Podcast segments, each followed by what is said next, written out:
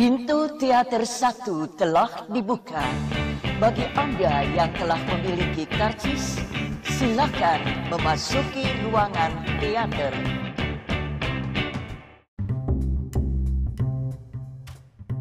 Baik lagi sama gue Mustafa di podcast Habis Nonton Film Kali ini gue akan menceritakan tentang sebuah film yang gue tonton di acara Europe On Screen 2019 uh, Sebuah film berjudul The Guilty karya sutradara Gustav Moller Film asal Denmark yang uh, apa ya merupakan film pembuka juga di ajang di ajang Europe On Screen ini tahun 2019 ini yang tadinya cuma dua kali diputar selama festival akhirnya ditambah satu lagi pemutaran khusus gitu. Nah, gue tuh nonton di ketiga gitu.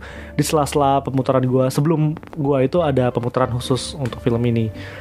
The Guilty ini menceritakan tentang seorang polisi yang ditugaskan sementara menjadi penerima telepon atau customer service di emer emergency call gitu. Emergency service gitu. Kalau misalnya lu nelpon 112 atau 110 atau 911 nah itu si karakter utama yang bernama uh, Asger itu bertugas untuk mendengar apa ya menerima report uh, apa sih? Apa sih nyebutnya? Panggilan panggilan-panggilan gitu yang dari masyarakat di kota sekitar gitu ya. Nah Menariknya, menariknya film ini tuh cuma menampilkan beberapa karakter pasif dan hanya diperankan oleh satu karakter aktif yang bernama Asger ini. Di suatu tempat uh, yang merupakan kantor uh, emergency, emergency service. Nah, jadi kita kita itu sebagai penonton diajak untuk mendengarkan juga telepon-telepon dari warga gitu yang mengalami masalah dan berbagai macam gitu masalahnya. Ada yang dirampok sama pelacur ada yang mabuk banyak deh banyak. Dan kita kita kita diajak untuk berhayal apa yang sebenarnya terjadi oleh si penelpon itu. Nah sampai suatu ketika uh, Asger ini se seorang polisi yang ditugaskan sementara karena terlibat masalah uh, uh, di kepolisian itu ya. Dia dia tuh mendapat masalah di kepolisian dan harus akhirnya harus uh, bekerja di emergency service ini. Itu mendapat telepon dari seorang perempuan yang mengaku diculik.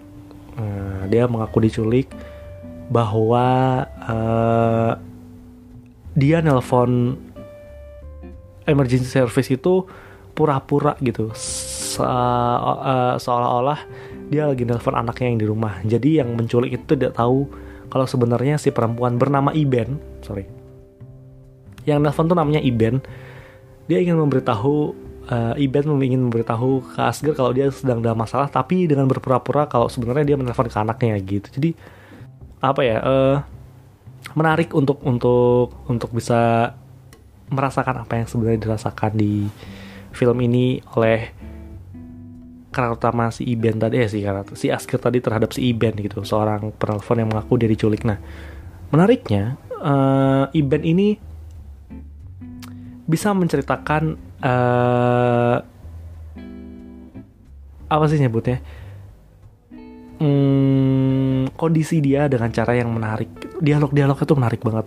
Film itu punya dialog-dialog yang yang dalam uh, yang bukan dalam sih. Gimana ya imajinatif gitu. Ketika dilontarkan kalimat itu kita bisa tahu dia tuh sedang ada di mana gitu. Misalnya uh, iya gue lagi di sekap gue lagi duduk uh, di sebelah supir gitu. Terus ini gue pura-pura nelfon ke anak uh, dia tapi dia nggak nggak bilang gitu. Dia cuma bilang uh, iya nak hati-hati ya kamu di rumah diam ya ibu di sini. Sedangkan si Asgernya tuh berusaha untuk ngobrol oh kamu jadi pura-pura oke okay, uh, tetap bilang kalau kamu uh, sedang menelpon ke anaknya. Uh, keren sih. Jadi jadi si Iben ini berusaha untuk menceritakan kok dia dia sedang dalam masalah. Nah, uh, si Ben memberitahu kalau anaknya, oh enggak gini. Di Denmark itu selalu terlihat bahwa uh, data sistem kepolisian itu canggih gitu, cukup canggih untuk bisa mengetahui di mana posisi si penelpon berada, dia namanya siapa, tinggal di mana, saat itu sedang berada di mana berdasarkan sinyal BTS terdekat gitu ya. Jadi Asger sebagai uh, polisi yang bekerja di emergency service ini bisa tahu posisi Iben di mana gitu. Dan namanya siapa? Uh, tinggalnya di mana gitu. Nah uh, si Iben ini menelpon rumahnya rumahnya si eh, si Iben sorry. Si Asger ini menelpon rumahnya Iben untuk mengecek apakah di rumahnya ada orang atau enggak gitu. Oh ternyata di rumahnya ada anak-anak. Anak-anak yang bernama Michelle kalau nggak salah Michelle atau siapa gue lupa. Dari itu dia cerita kalau ibunya itu ditarik oleh ayahnya uh, yang menggunakan pisau gitu. Jadi menggunakan pisau uh, dia ber, si ayahnya berteriak-teriak ketika sampai di rumah terus dia membawa pisaunya um, dan menarik ibu itu ke dalam mobil dan entah pergi ke mana. Anak itu nggak tahu ke mana. Si anak ini nangis uh, si Iben takut kalau terjadi sesuatu. Eh si Iben si Asger takut kalau akan terjadi sesuatu kepada Iben. Jadi si polisi uh, meminta agar si Michelle nggak salah Michelle namanya siapa ya namanya? Sebentar gue cek. Uh, Matilda sorry. Si Matilda ini untuk tetap tenang di rumahnya. Nah si Matilda bilang uh, Pak polisi ibu saya akan kembali dengan sehat kan? Nggak akan mati kan? Gitu.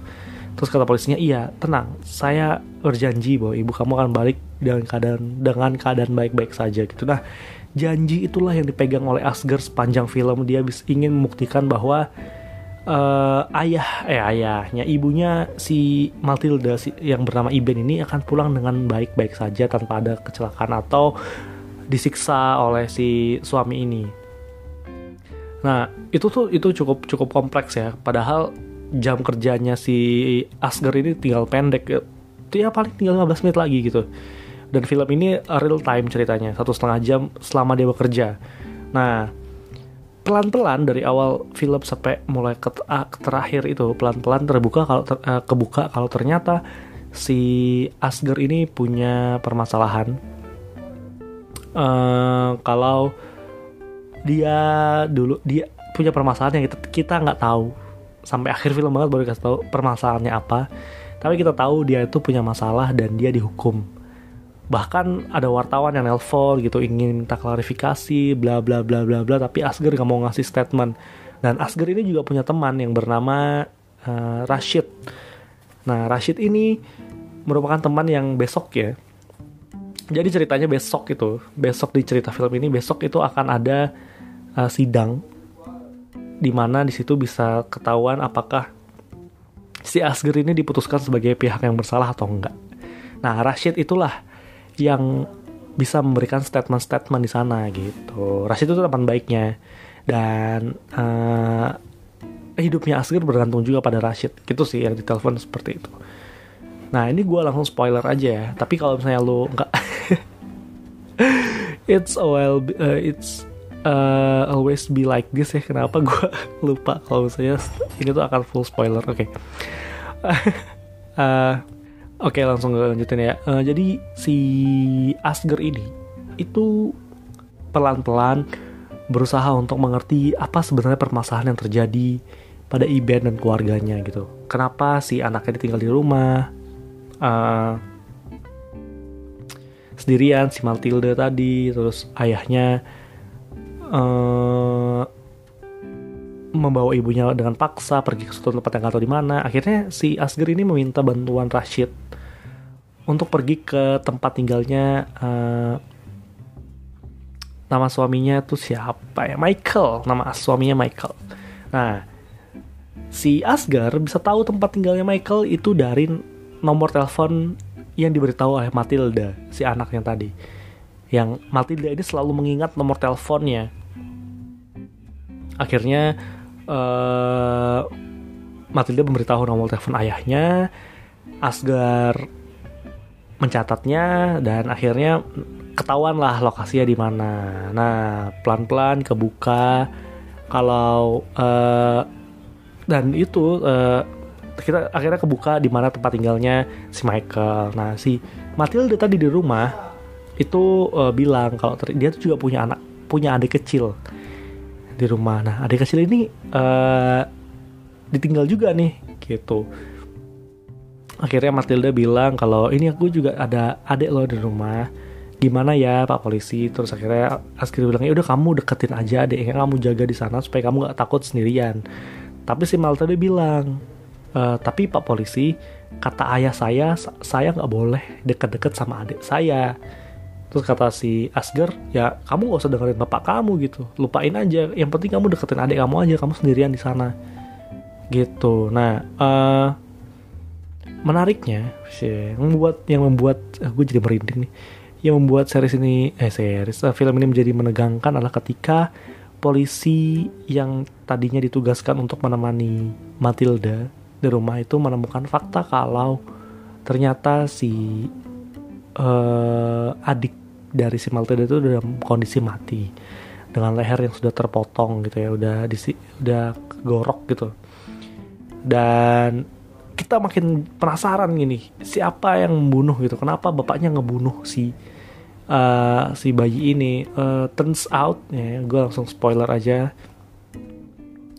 Uh, turns out kalau ternyata yang membunuh si adiknya itu adalah si ibunya tadi si Iben karena ternyata si Iben itu mengalami sebuah penyakit uh, mental gitu ya. Mungkin uh, pokoknya dia memiliki gangguan jiwa yang mera dan Iben itu merasa kalau si adiknya Matilda yang bernama Victor itu sedang sakit dan supaya dia tidak merengek-rengek lagi dia dia menggorok leher si anak tadi gitu. Jadi uh, Asger ini merasa dia bersalah gitu ngedukung Iben sejauh cerita itu hampir ending gitu ya. Nah ketahuan juga nih ternyata kalau si Asger itu punya masalah kalau dia ngebunuh orang tak bersalah.